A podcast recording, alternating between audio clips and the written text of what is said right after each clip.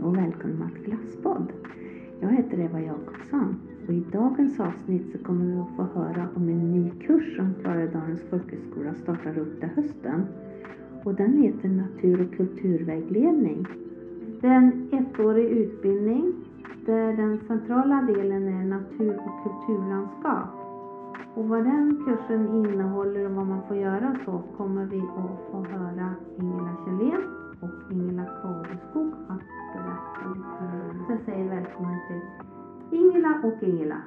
Ja, tack så mycket.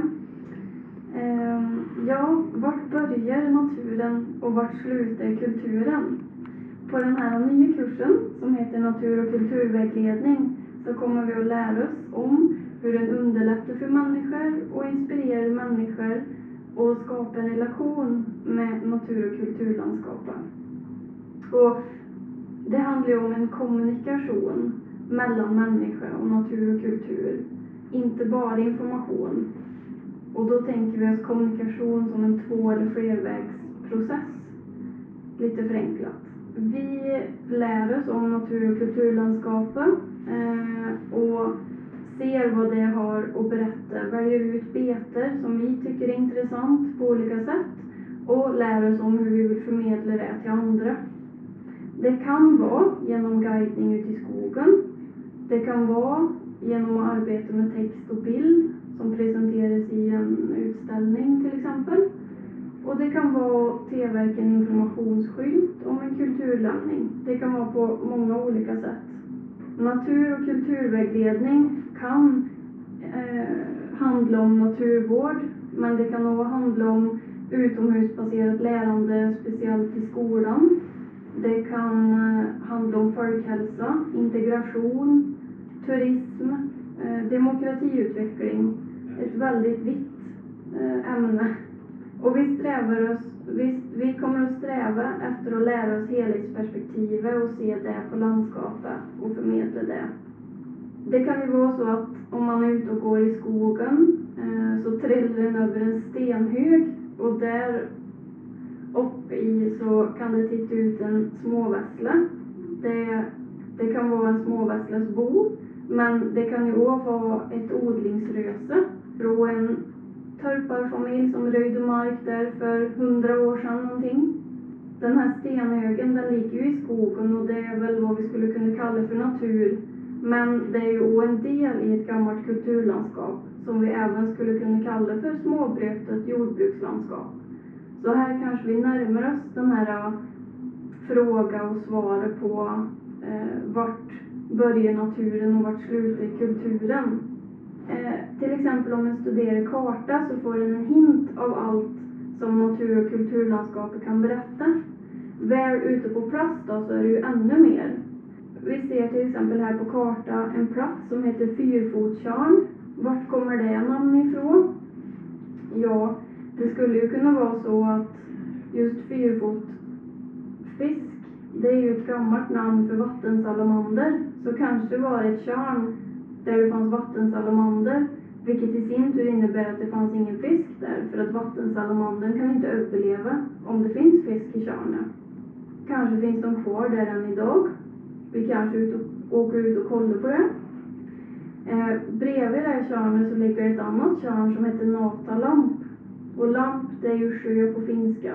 Det namnet berättar om en skogsfinsk kultur som kom till Värmland under senare delen av 1500-talet, början på 1600-talet. Ett folk där eld och rök var centrala punkter, Rökstöker och svedjebränning. Idag finns många av de finaste slåtterängarna på gamla fingårdar och slåtterängar, det är ju idag ett biologiskt kulturarv. Natur som berättar om kultur. Och så allt går ihop på det sättet. Kulturen börjar någonstans där ute i naturen. Naturen berättar om kulturen och så vidare och så vidare. Ja, vi djupdyker i det här under kursens gång och så länge som du är nyfiken och vill lära dig mer om natur och kultur så är det en passande kurs. Eh, vi kommer ju att röra oss i Värmlands natur och kulturlandskap och det finns allt och lite till. Det finns stora sjöar, små tjärnor, slingrande älvar, djupa dalgångar, höga berg. Vi kallar dem ju till och med för fjäll. Gammal skog, ung skog, barrskog, lövskog, vidsträckta myror.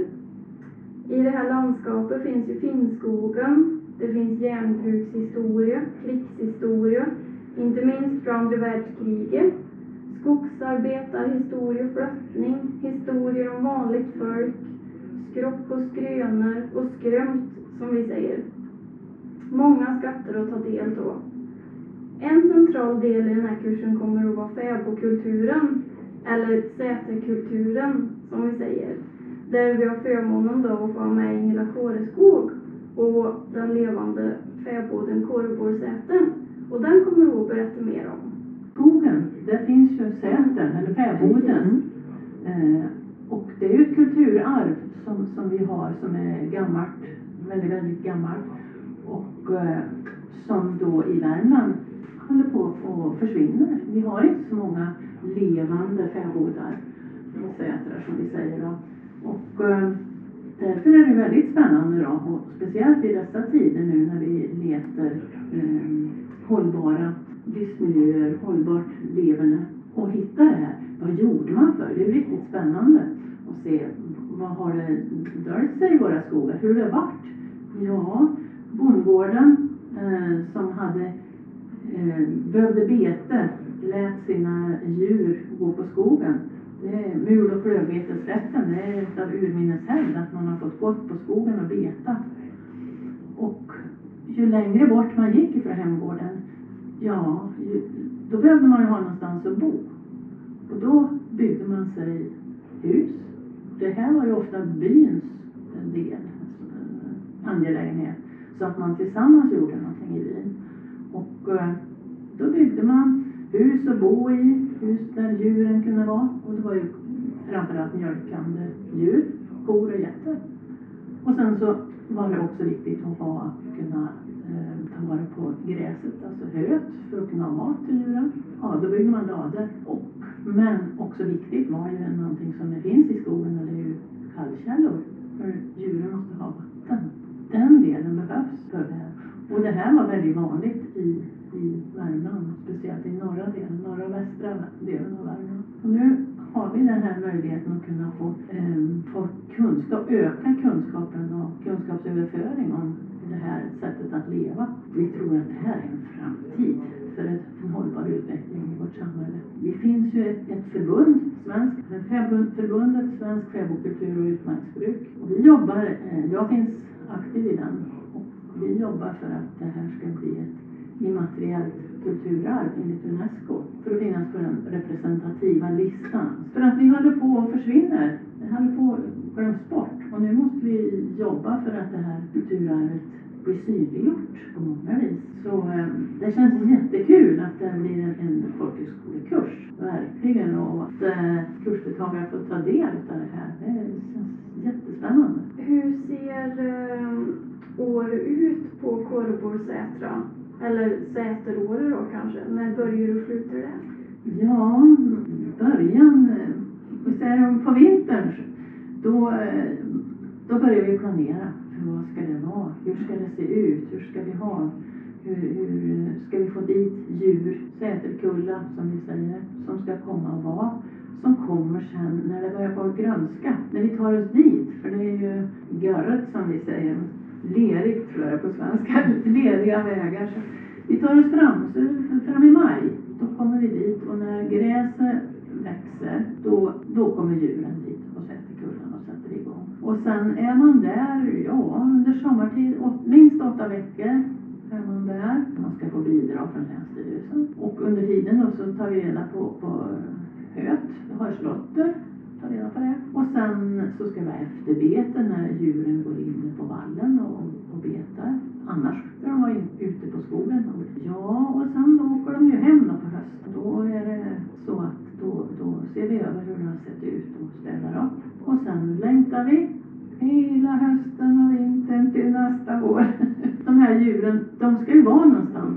På Kåreborgsätern som vi pratar om så har vi inga djur i Kårebor längre. Inga, inga kor och inga getter. Utan då får vi låna från någon annanstans. Nu har vi en säterkulla som har djur. Det känns väldigt kul. De kommer tillbaka. Och hur kommer kursen praktiskt att få vara med på Sätern? Ja, den kommer så mycket som möjligt där eh, så att man får, får praktiskt få känna av det här och få hjälpa till. Nu är det ju svårt efter det är sommartid, men som allting är. Men i slutet på kursen, när man är nästan färdig, då ska man vara där och känna på det här delen.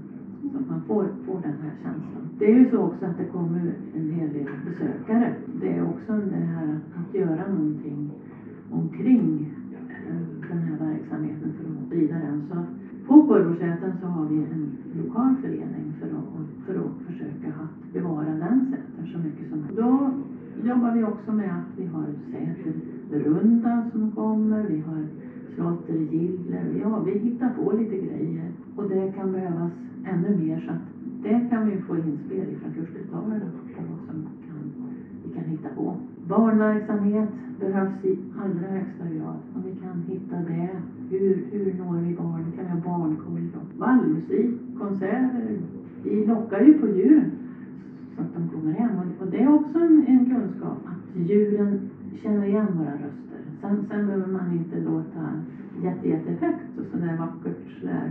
Bara det viktiga är att djuren känner igen rösten. Så kommer de hem tillbaka. kan man låta lite olika. Om man lockar på getter eller på kor. Just det, det blir spännande att höra. Jaha. Man testa. Mm. Vem som kommer. Ja, just det. De kanske inte kommer första gången utan får som sagt lära känna dem. Men, eh, mm, Jag har hört att det är en utmaning att få hem korna när det är svamp i skogen. ja, så är det. Mm. Så är det. Därför så, så är det också bra, eh, vi har ju samarbete med, med folkhögskolan, med skoglig kurs här och som är, är på Sätern och röjer.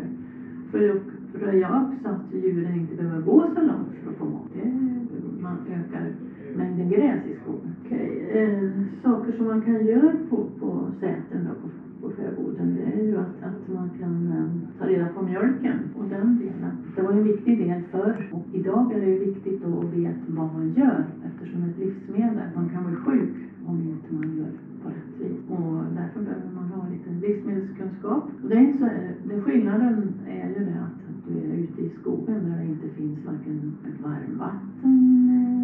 någon kran eller någon elektricitet utan vi hämtar vatten i källan. Och då måste man veta vad man gör. Diska, hur diskar man? Man är inte det som diskmaskin. Eh, värma eh, mjölken på rätt vis. Veta vad som händer. När är det farligt? När är det eh, rätt? När, när blir det fel? Och hur gör man? Får pröva att göra ost och med smör och och smör. Man får testa det här.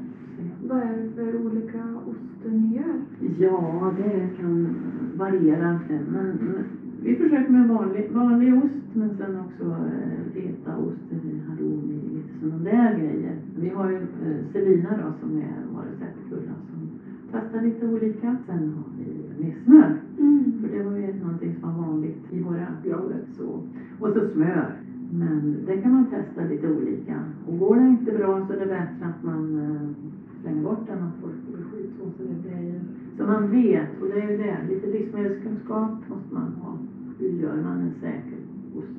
Hur gör man säker, säkra produkter? Eh, Men det här var ju vanligt förr, då kunde man, när man lagrade osten för att ta hem den. Och, eh, så, så det får man pröva och göra. Sen är det ju att eh, sköta djuren. För hela kedjan, eh, när man mjölkar, man får pröva också handmjölkning. Och hela vägen tills en färdig produkt. Man testar.